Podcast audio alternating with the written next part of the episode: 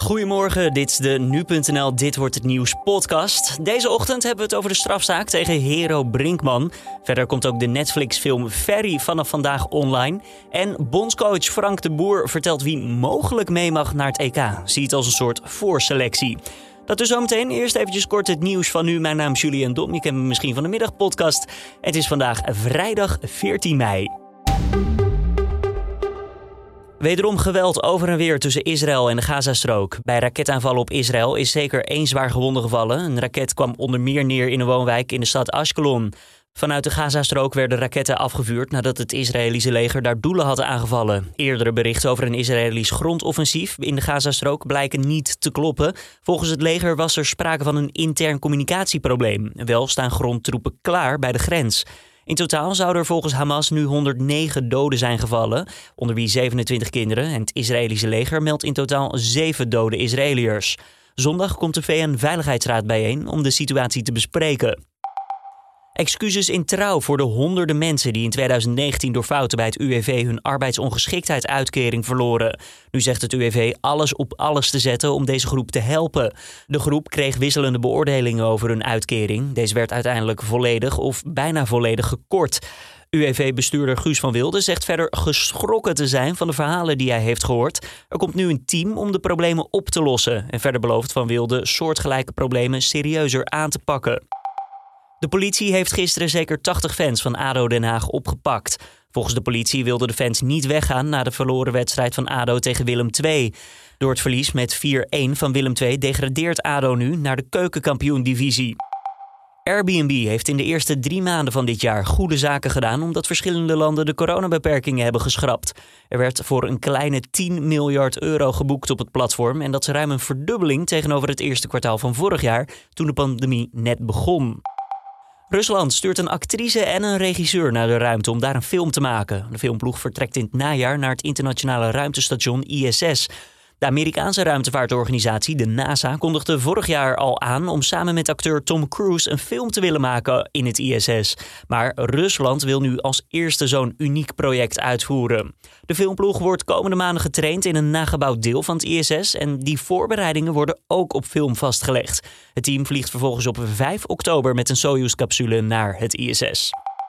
En een schilderij van de Spaanse kunstschilder Pablo Picasso is in New York geveld voor ongeveer 85 miljoen euro. Het topstuk ging onder de hamer bij veilinghuis Christie's. Het bieden duurde zo'n 20 minuten en vooraf werd verwacht dat het schilderij ongeveer 46 miljoen euro zou opleveren. Maar dat werd uiteindelijk dus bijna dubbele. Het gaat om het schilderij getiteld Vrouw gezeten bij een raam, Marie-Therese.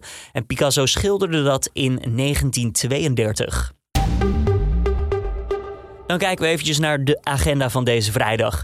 Ja, de rechtbank in Amsterdam die komt met een oordeel in de strafzaak tegen Hero Brinkman. Hij is oud-Kamerlid van de PVV en voormalig politieman. Toem eist een half jaar cel omdat hij vertrouwelijke politieinformatie over terrorismeonderzoeken zou hebben gelekt naar de pers.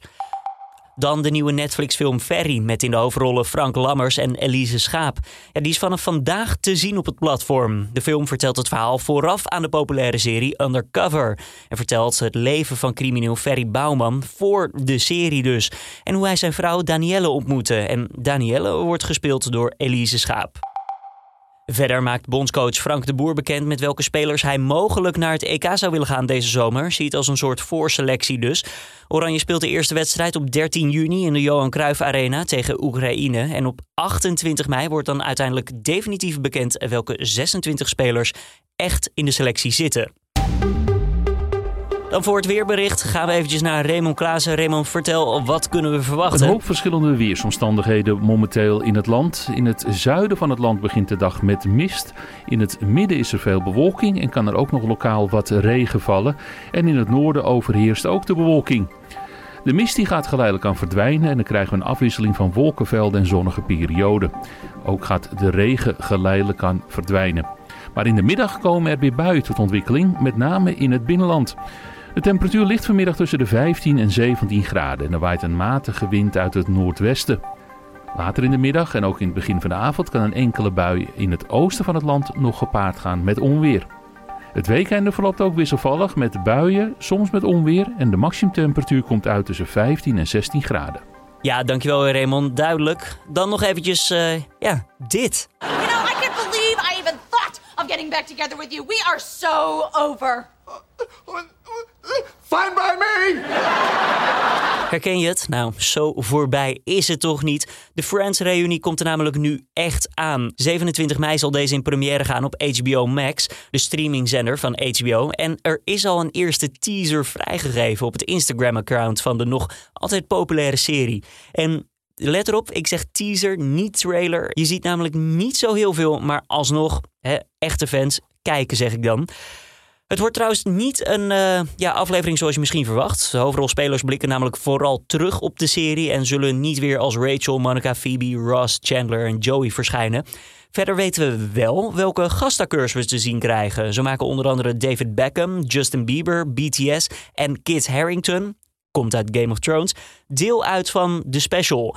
In wat voor vorm is nog eventjes de vraag, maar dat zullen we dan uiteindelijk op 27 mei wel merken. Dankjewel dan voor het luisteren. Dit was weer de Dit Wordt Het Nieuws ochtendpodcast. Deze keer van vrijdag 14 mei. Tips of feedback laat even weten. Podcast.nu.nl Mijn naam is Julian Dom. Ja, normaal gesproken heb je altijd collega Carne van de Brink hier in de ochtend. Maar die jongen is een dagje vrij. Is hem zeker gegund. Hij heeft me wel beloofd dat hij de maandag weer gewoon is. Dus maandagochtend om 6 uur ochtends kan je genieten van Carne van de Brink met het laatste nieuws van nu.nl.